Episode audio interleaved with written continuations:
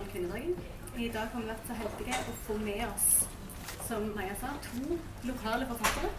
Janne og Namran. Eh, og vi har jo skrevet i eh, invitasjonen til arrangementet at vi skal snakke litt om eh, både det å ha en stemme og det å ha erfaringer som har skrevet minoriteter og majoriteter. Men det handler jo òg om å eh, ha følelsen av å være annerledes, eller bli satt i bås som den andre. Og alle her inne vet jo hva Simone de Beauvoir, hvem Simone de Beauvoir kalte for det annet kjønn.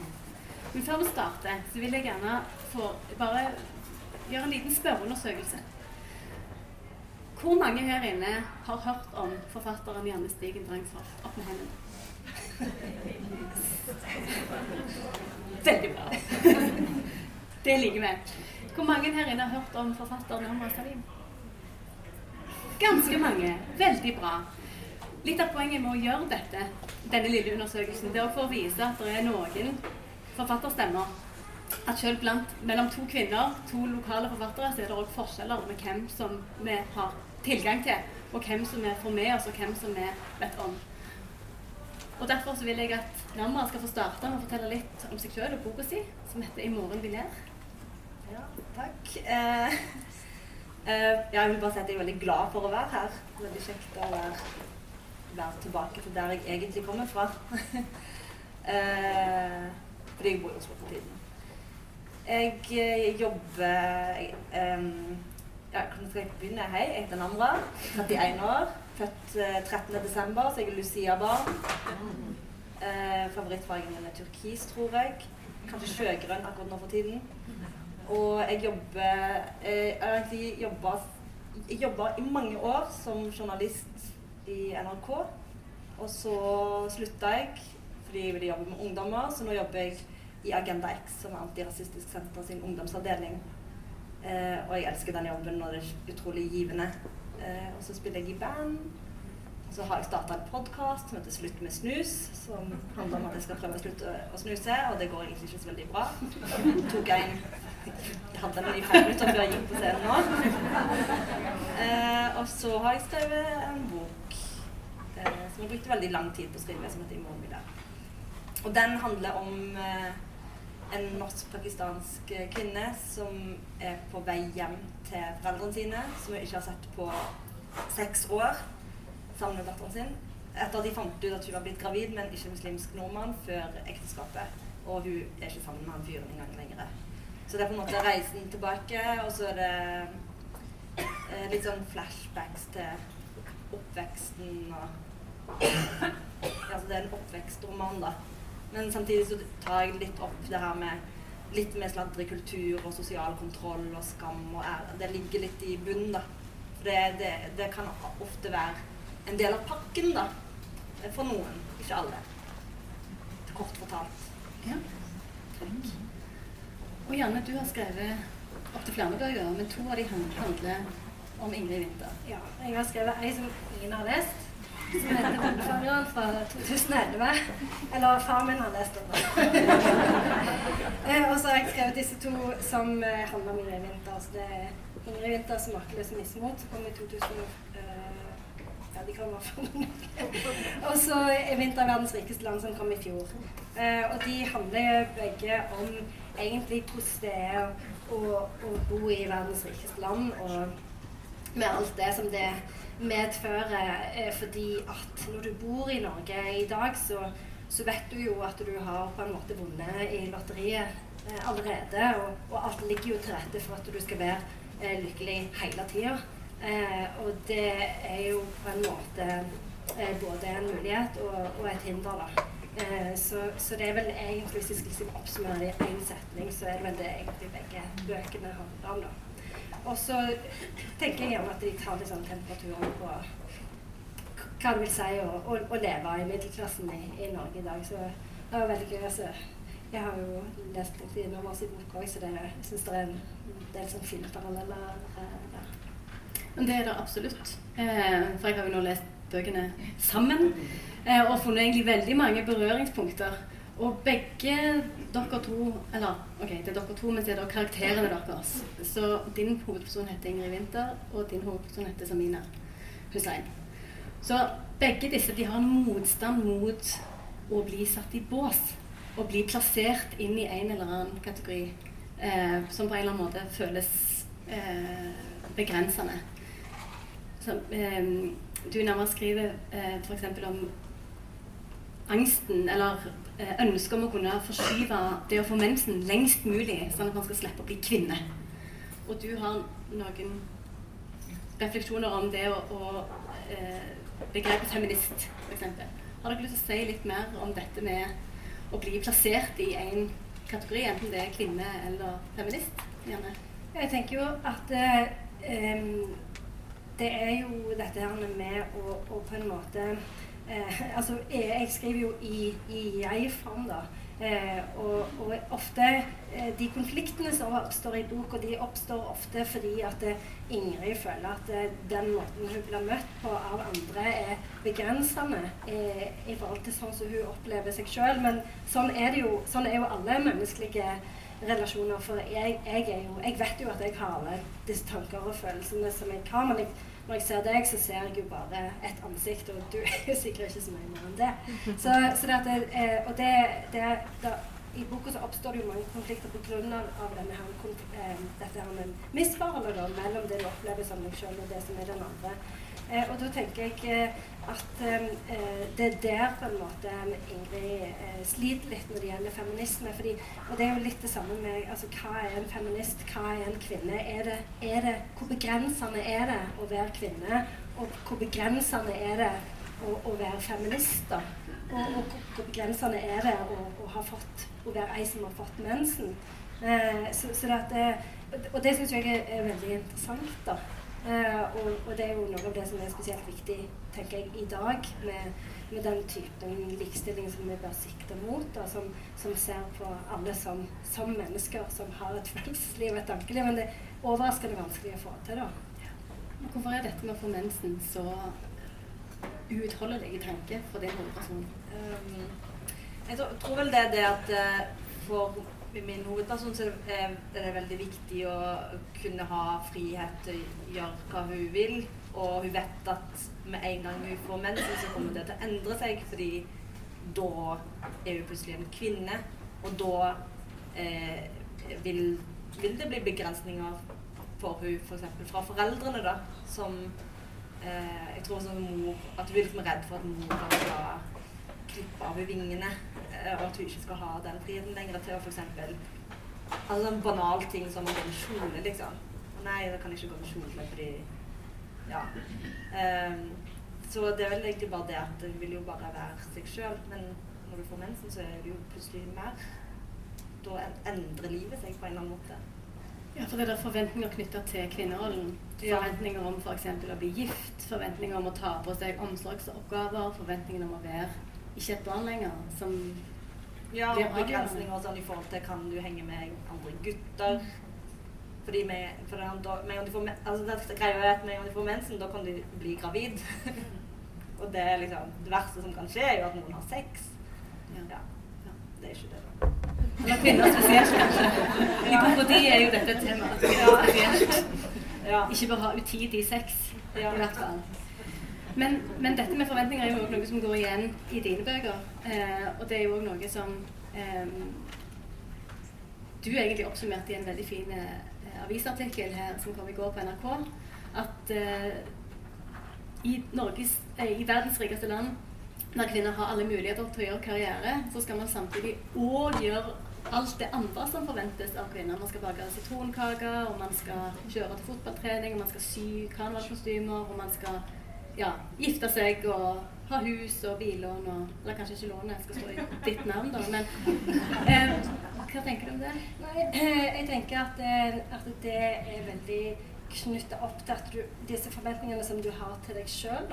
Altså fordi at du internaliserer jo de forventningene. For det er jo sånn som du sier med mensen. liksom at når du får mensen, så kan du ikke gå med kjole. Og det er jo både noe som på en måte du lærer fra utsida, men det er jo òg noe som du internaliserer og gjør til en del av deg sjøl.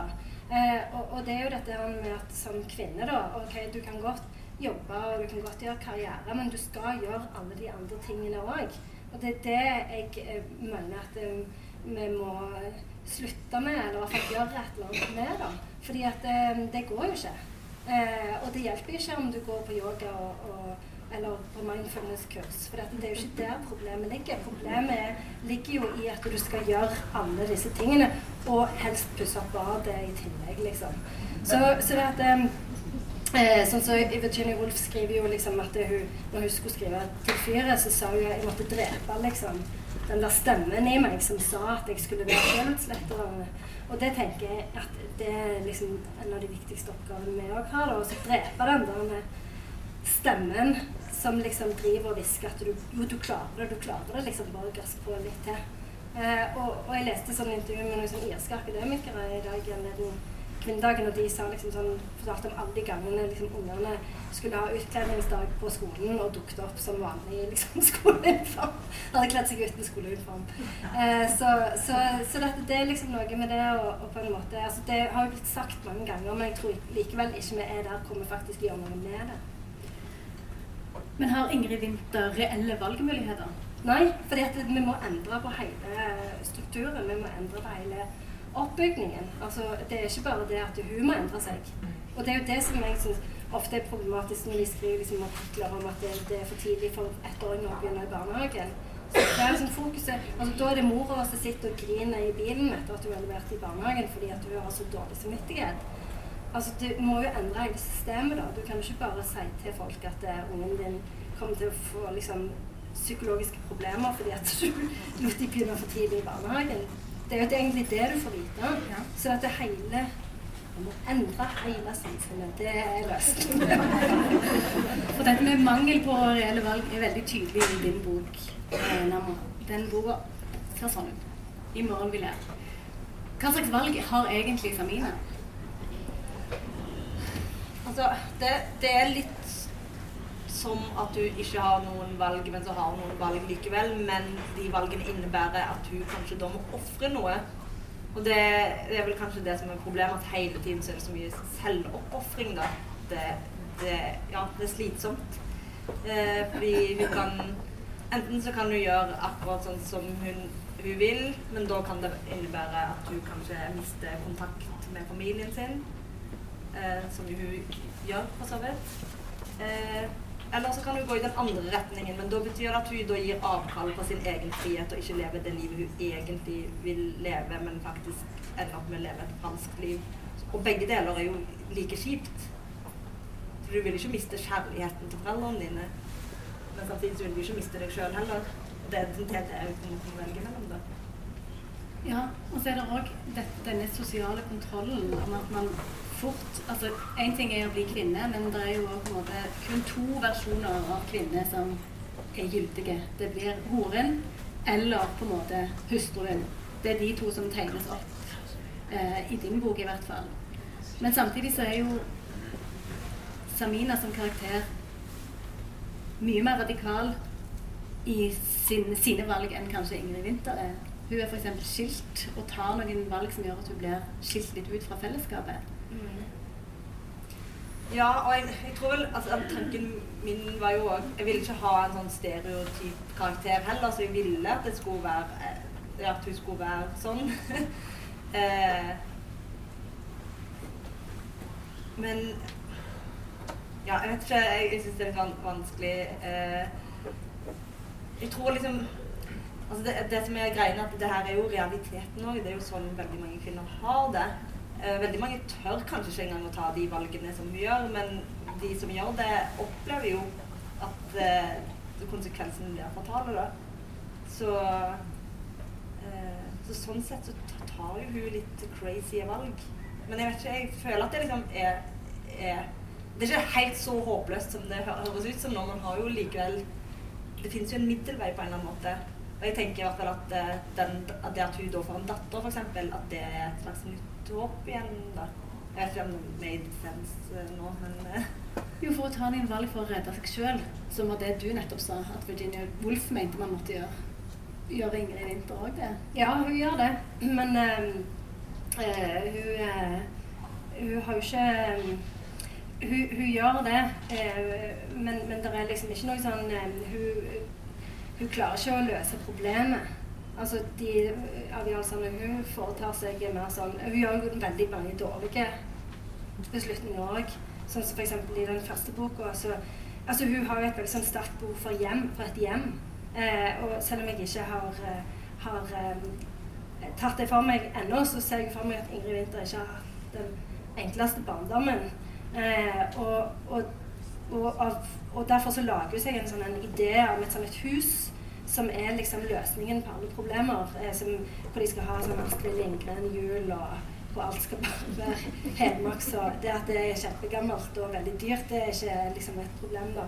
Og det er jo litt sånn det der med at eh, altså, i, i, vår tid så, så kan du jo er, er, jo ofte konsum sett på som løsningen til en del ting. og, og det meste kan jo ordnes på et eller annet vis, og, og kanskje ved at du kjøper noe. Eh, så dette, hun, hun, hun, er jo ikke noe sånn eh, spesielt smart. Altså sånn, hun, hun, er jo ikke sånn smartere enn noen andre. Så hun lar seg jo forlede til å tro at eh, ting kan løses eh, ved hjelp av dette huset. Eh, på samme måte som mannen hennes tror at han kan liksom løse sin identitetskrise ved å liksom fikse taket på det huset, når han jo absolutt ikke har evner til i det hele tatt. Det er jo den mannlige akademikeren sin forbannelse.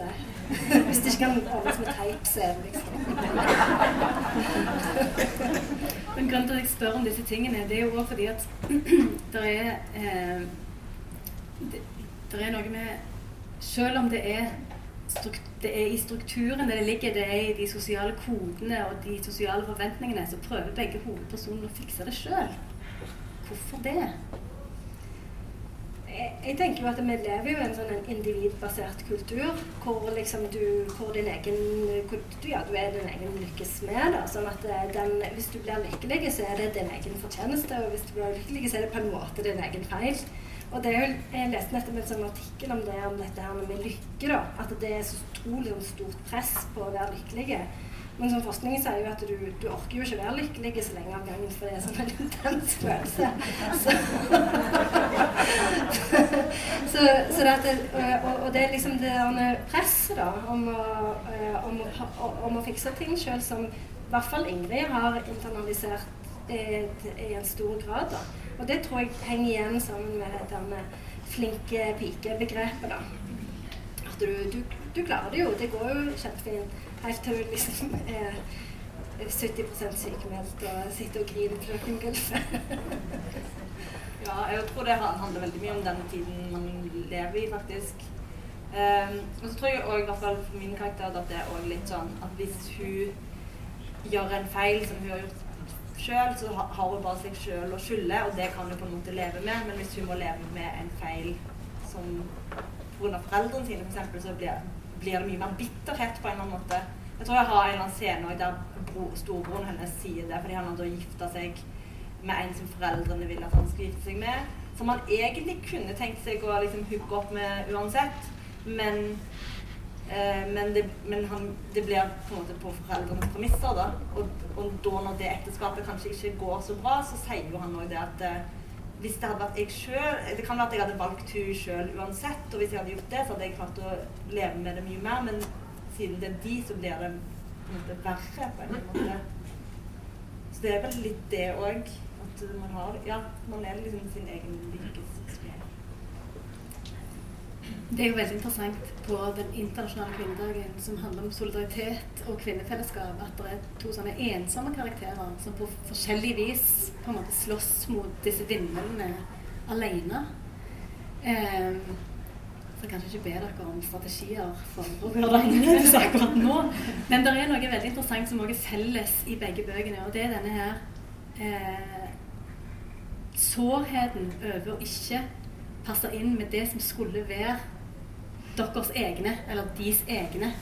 Eh, I din bok for Samina så er det når hun flytter eh, fra Stavanger til Oslo og kommer til et sted der, der det er veldig mange flere eh, med pakistansk bakgrunn enn det var i Stavanger. Sånn at det som var der man hadde en slags unikhet i Stavanger, forsvant når man på en måte ble en av mengden. Men hun er utilpass, for hun trives ikke i det miljøet. Hun savner de vennene hun hadde. Og litt sånn som det. Og Ingrid Winther eh, prøver jo å gå i forening i Vinter i verdens rikeste land. Det er veldig morsomt i boka, men det går veldig galt òg. Og hun passer virkelig ikke inn på det som skulle vært hennes egne. Har du lyst til å si litt om, om det? Oh, herregud. Um, nei, altså, det, der har jeg nok henta litt inspirasjon eh, fra liksom mitt sånn, Det her er jo følelser som jeg kan ha kjent på. Uh, og det er uh, Altså sånn som så, Bare for å trekke litt paralleller til mitt eget liv, så er det sånn som nå, for eksempel, nå når det har vært sånn skamløs arabisk vår, og jeg har truffet dritmange jenter med lignende bakgrunn som meg, og så har vi de samme tankene, samme meningene. Og det er så kult, liksom. Eh, men jeg husker òg den perioden når jeg ikke hadde det. når Jeg nesten, altså jeg er jo bare vokst opp i Stavang, eh, Sola Stavanger, og jeg er kjempefornøyd med det. Men jeg har alltid bare hatt norske, hvite venner. Og, og det er bra, det, men det er et eller annet med eh, at jeg, har merka at når jeg da har truffet andre pakistanske jenter, man blir litt mer sånn skeptisk kritisk og, og, kan jeg vise hele meg og alt det der. Så jeg har vel kanskje bare prøvd å ta med det, den følelsen litt videre, da. Um, og da handler det jo om bare om at uh, man har ikke lyst til å bli satt i bås. Hun, de andre liker Bollywood-musikk. Uh, det gjør ikke hun.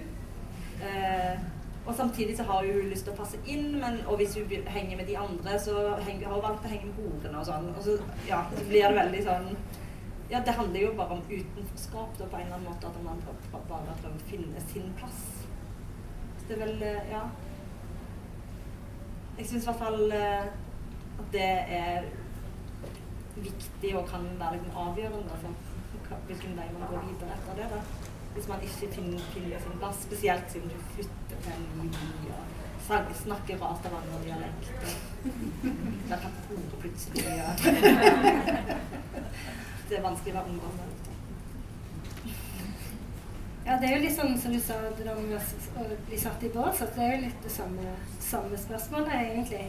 Eh, men jeg tenker, ja, Ingrid er jo en veldig sånn ensom karakter, og det er klart at det, det der med foreningen, det er jo et spesialtilfelle, for du, kan liksom ikke du inviterer ikke hvem som helst i foreningen din, alle vet jo det.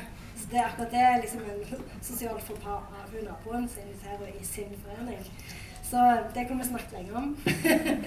men, eh, men, jeg tenker litt at eh, altså For meg det der med at Ingrid Winther er litt sånn ensom, er litt en sånn en, eh, et sånn fortellerteknisk grep òg, fordi at det er lettere å lage konflikter når hun ikke har på en måte noen sånn Uh, som hun kan Altså, det var en sånn leser som sa at hun syntes det var så deilig at hun aldri liksom satt og drakk rødvin og liksom bitcha med venninnene og sånn. At det liksom at det var herlig å se liksom, at hun bare hadde uvenner, på en måte.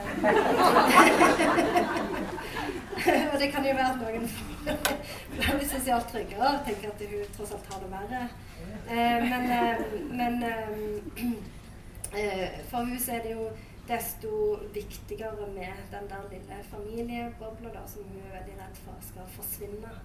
Um, så, men, men, for meg så var det viktig med de der konfliktene, da. Mm. Ja, men det, ja, bare for å Det skjønner jeg. Men det er jo interessant, tenker jeg, med eh, hvordan disse fellesskapene Altså det oppstår òg uventa fellesskap. Mm.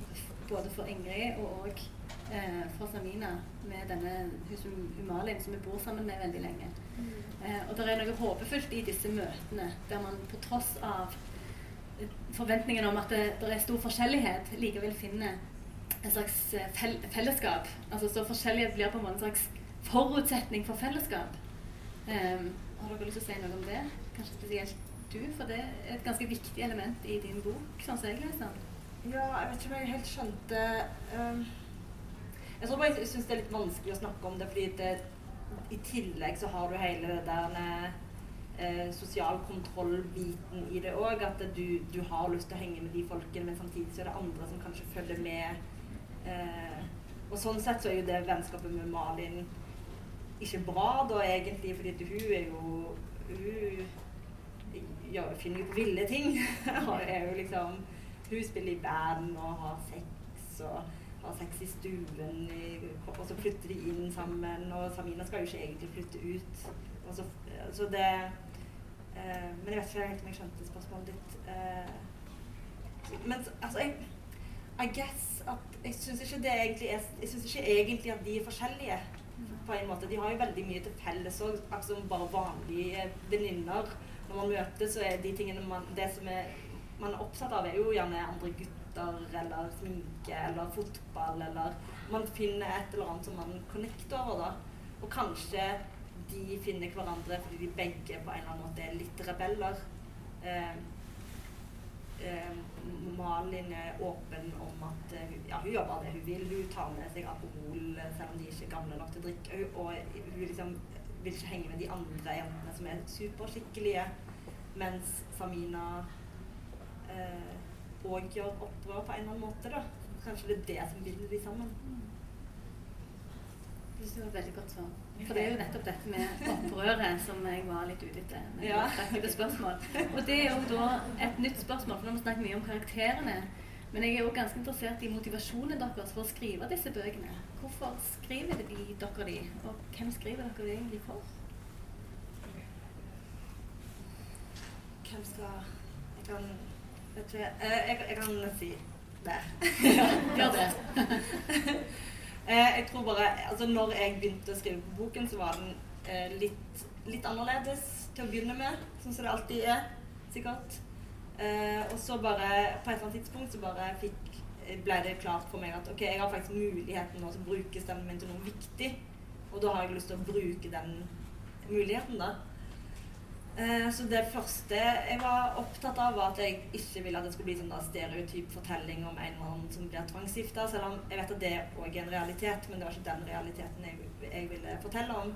Jeg ville jo bare fortelle om den helt vanlige jenta som vokser opp i Norge, men som likevel eh, ja, er helt normal og gjør helt vanlige ting, men så er hun kanskje begrensa. Ikke bare av andre eller ikke bare av miljøet sitt, men til og med begrensa av seg sjøl. Og jeg tror akkurat det der med frykten for konsekvenser tror jeg veldig mange kan kjenne seg igjen i. Eh, sikkert mange unge folk fra bygdekulturen òg for så vidt kan kjenne seg igjen i det, men òg liksom folk som har flerkulturell bakgrunn. Og det er noe jeg sjøl òg kan kjenne meg igjen i. At det, hele tiden, at jeg må hele tiden tenke sånn OK, jeg skal være med på den photoshooten. Skal jeg, eller skal jeg liksom Tenk hvis de vil at jeg skal ha på meg den toppen, skal jeg vise skulderen da eller ikke? Og så er det sånn, Jeg bryr meg ikke om jeg viser bare skuldre, men jeg må liksom tenke, ta disse valgene.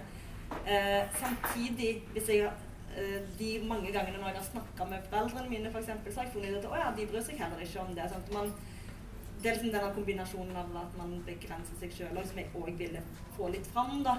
Eh, og så Ja, og så bare Og så vil jeg te- tror jeg skrev en sånn setning som var sånn Det her er et oppgjør med sladrekulturen eller alle de jævla hyklerne. Og den setningen pleide jo Den var ikke styrende, på en måte, men jeg pleide å Hvis det stopper opp, og, og jeg ga jo opp veldig mange ganger underveis i prosessen, så pleide jeg bare å se på den setningen for å minne meg sjøl på hvorfor jeg egentlig gjør dette. Det var motivasjonen min i hvert fall. Jeg, jeg, skriver det jeg vil skrive. Måtte ikke ta noen Georg Brandes på deg? Nei. Så det er bare det, egentlig. Eh, Jeg bare vil skrive. Ja, og grunnen til at jeg spør er jo fordi at kvinner som skriver, får jo ofte et sånt spørsmål òg om det man skriver eh, Altså, det er, jo, eh, det er jo flest kvinner som leser bøker. Punktum. Så eh, Men man har en tendens til å si det at eh, når kvinner leser bøker skrevet av kvinner, da får det ofte merkelappen kvinnelitteratur. Eh, jeg tror ikke noen av dere vil kjenne dere igjen i den merkelappen. Men har den merkelappen òg noe for seg? Eksempel, du sier du vil ta et oppgjør med en sånn hyklerkultur en sosial kontroll som rammer spesielt jenter. Ja, men, ja, men det, ram, det rammer gutter òg, for så vidt. Og det prøver jeg òg å få litt fram. Men jeg syns at eh, begrepet kvinnelitteratur er bullshit, liksom. På samme måte som jeg syns at begrepet jenteband er bullshit. Når menn får lov til å være bare band og bare litteratur. Det, sier man mannslitteratur? Bruker man det? Så ja, jeg bare syns det er idiotisk. For det, er- ja, det, det, det, det er ikke likestilling, det. Nei, jeg er helt enig. Og jeg syns det var jo Jeg leste en intervju med Knausgård han sa at det var et sånn, han hadde vært i et eller annet New York-greier. Og da var det ei sånn 56 år gammel immigrant fra India som hadde kommet bort til han og sagt 'tusen takk for at du har skrevet om mitt liv'. da eh, tenker jeg at eh, hvis hun kan kjenne seg igjen i Knausgård, så, så, kan eh, en 67 år gammel mann eh, kjenne seg igjen i Ingrid Winther. Eh, og det, det, har jeg tro på.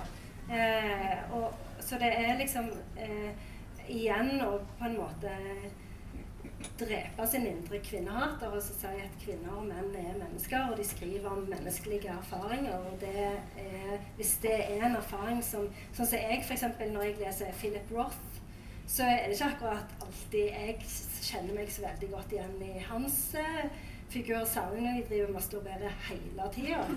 Men, uh, men, men, jeg leser det for det, og jeg blir kanskje et rikere menneske av å, av å lese om de erfaringene. Så, så jeg tenker at det er, det er bullshit.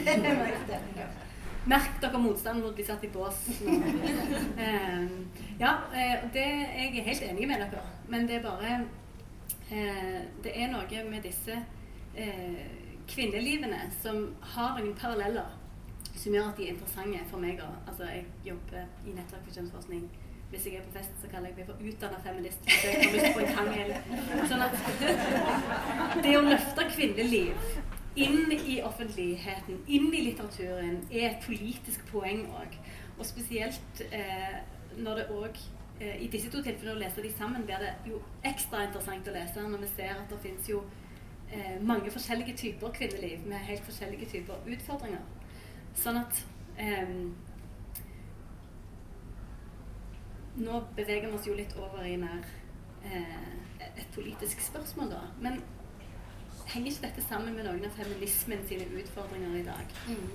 På hva måte da? Jo, jeg tenker det at det, eh, det er mange som sier at feminismen sånn så, sånn var før da, utspilt sin rolle. fordi at, og det var jo sånn som Julie Steva ville jo ikke se på seg selv som feminist, for hun mener at det, feminismen er liksom én blokk da, eh, som du må på en måte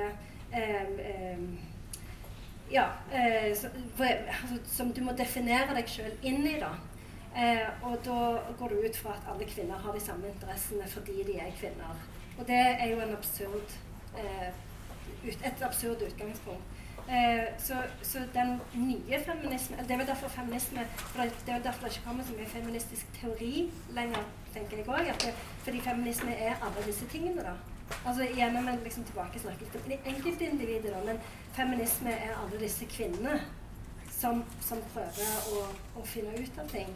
Eh, så, så, det er jo eh, Det tenker jeg er den nye feminismen, da. At du, at du har ikke at du har ikke disse her gåsene, da. Men selvsagt så fins jo Jeg sier ikke at feminismen ikke fins, men den bare blir mer sånn plural, kanskje. Eh, og heterogen da, enn den var før. Mm, her, jeg, jeg, føler, jeg, tror jeg føler motsatt. Jeg føler, men det er kanskje bare òg fordi at jeg har blitt mer og mer feministisk med årene. Og Derfor så bare føler jeg at det, bare bli, at det bare blitt uh, At feminismen på en eller annen måte har bare blitt sterkere. Og at, uh, at, blitt, og at, man har fått mer ting inn i feminismen. At det ikke bare, handler ikke bare om å være kvinne, men det handler også om å, å, være kvinne med f.eks. en funksjonshemning eller uh, flerkulturell bakgrunn eller um, hva det heter når du uh, liker Hva er det ordet for herregud?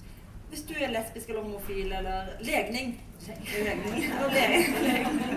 At det er liksom At, at, at som feminismen på en for meg føles som det er flere som inkluderes i den nå. Jeg føler meg mer inkludert i den nå. Men det er kanskje òg fordi jeg har møtt så veldig mange unge, unge feminister nå og blitt funnet et slags søsterskap da, som gjør at det er sånn jeg opplever det nå. Ja, det var egentlig det jeg mente. Eller, ja. altså, jeg mente bare at feminismen er ikke så, feminismen er ikke så ensretta kanskje ja. som det var før. På en måte spriker mer, Han er mer inkluderende. Ja, mm. skjønner. skjønner. Dere, dere, dere på et helt annet nivå, så hei. hei. Nei, mye allerede. Nei, men dette er jo virkelig interessant. For dette søsterskapet du snakker om, og denne inkluderingen du snakker om, at man finner et fellesskap som ikke handler om bare kjønn, det er jo veldig håpefullt, tenker jeg. For det gjør jo at alle former for annerledeshet eller utenforskap kan få eh, kan få eh, bli synliggjort, da. Eller få en plass som nettopp utenforskap. Og søsterskap det var et ord som jo Som er et gammelt feministisk ord, men som har vært litt sånn ute av eh, feminismen en stund. Eh, kan ikke du si litt mer om søsterskap? Ja, jeg, altså jeg syns vi burde bruke det Det burde være inn igjen nå, ja. Jeg, det har vært koselig. Ja. Dere er jo mine søstre. Det er jo egentlig skikkelig fint. Ja. Um, søsterskap handler om Det handler ikke bare om sånn du fysisk søster, ikke, men det handler jo egentlig bare om at man er eh, samla på en eller annen måte. Og at vi kan være uenige Vi har samme mål, men vi kan være uenige om måten man gjør det på, men vi backer fremdeles hverandre opp. Det er det jeg føler er søsterskap for meg, da. Eh, og det, det, det, og apropos det der med de skamløse arabiske jentene sånn, det, det, der, det er det jeg føler det har blitt nå. At, det har blitt en gruppe med søsterskap, og den, det, det søsterskapet det bare vokser og vokser. Og alle, alle oss er søstre. Vil du si at sånn identitetsbåssetting mister litt av kraften sin, hvis man tenker på det som et søsterskap, der fellesskapet ikke nødvendigvis handler om kjønn mellom felles mål? Ja, absolutt. Ja. Og da blir alle de andre faktorene uviktige òg. Det har ikke noe å si hvor gammel du er, eller hvor du kommer fra, eller Alt det blir uviktig, og det er egentlig uviktig òg, syns jeg. Mm. Men det er jo dette er jo veldig interessant, for som vi har sett, så handler jo disse veldig kjønna kvinnelivene òg om klasse. De handler òg om religion. Sånn at det er helt klart at det er ikke nødvendigvis sånn at man kan isolere kjønn fra noe annet. Men det er jo en stor diskusjon som foregår nå i norske medier og, og andre steder om denne såkalte identitetspolitikken, der sånne båser blir trukket fram som ulempen med å ha veldig mange båser. Hva tenker dere om det? Du har jo akkurat sagt det motsatte. Du har sagt at jo, jo flere, jo bedre. Jo mer vi kan inkludere forskjell, jo sterkere står vi. Hva vil du si? Uh, ja, altså uh, Jo, jeg er vel Ja, for å gjøre det kort, så jo. ja. Um, begge skriver nemlig òg at eh, Eller begge skriver ganske mye om det å eh, måtte kjempe for å få det som man Altså Når jeg leser bøkene deres, så leser jeg om to karakterer som begge to eh, skjønner i verdens rikeste land at det går an å legge til rette for å få et liv sånn som man vil ha det. Men det koster ganske mye, og man må kjempe for å få det til. Um, og i din bok er det vel denne Malin, som er den etnisk norske venninner som ender opp med å bo sammen med, som sier at du kjemper ikke hardt nok. Og i din bok så er det datteren til Ingrid Winther som spør kan vi ønske oss kan vi um, ønske det sånn at det blir sånn som vi vil? Og så svarer da mor Ingrid Winther at ja, det kan vi, men vi må kjempe for det, og vi må aldri gi oss. Um, hvordan skal vi hvordan skal vi kjempe? I dag er det 8. mars. Hvordan, hvordan skal vi kjempe? Oss sjøl og for dette søsterfellesskapet? Ja, jeg tenker at det, vi må, i hvert fall kjempe mot oss sjøl. Eh, og med oss sjøl. eh, så, så, jeg tenker at det, at det, er viktig å være obs på eh, at likestilling er noe som pågår hele tida. Eh, og, og, jeg tenker at det, Altså, kampen til, til Ingrid Winther foregår jo dels på individplan, men individet er jo alltid en del av noe større. Og, og, jeg tenker at en del av den kampen hennes har jo å gjøre med, med likestilling. Eh, så, så, jeg tenker at det, eh, kanskje Altså kanskje det at liksom, det du gjør, er godt nok. Kanskje det kan være eh, en eh, en bra kampstrategi. En bra kampstrategi, ja. ja. Mm. Og være vær, vær litt mer sånn Ja. Mm. Ta det litt roligere. Mm, men jeg, men jeg, altså, selvsagt så må du jo stoppe. Mens du slapper av. Det er, min, det er mitt tips. Jeg tenker det viktigste er at man bare kjemper sammen, da, egentlig. Og at man ikke tenker sånn «Å ja, nei, men jeg gidder ikke ta den kampen, for den angår ikke meg. Det, det får dere fikse sjøl. Men at, at vi ja, kjemper sammen, og at selvfølgelig angår det oss alle likestilling. Det er jo det vi alle vil, og det er det alle vil tjene på in the end. Det var to veldig gode kampstrategier. Tusen takk. En stor applaus for.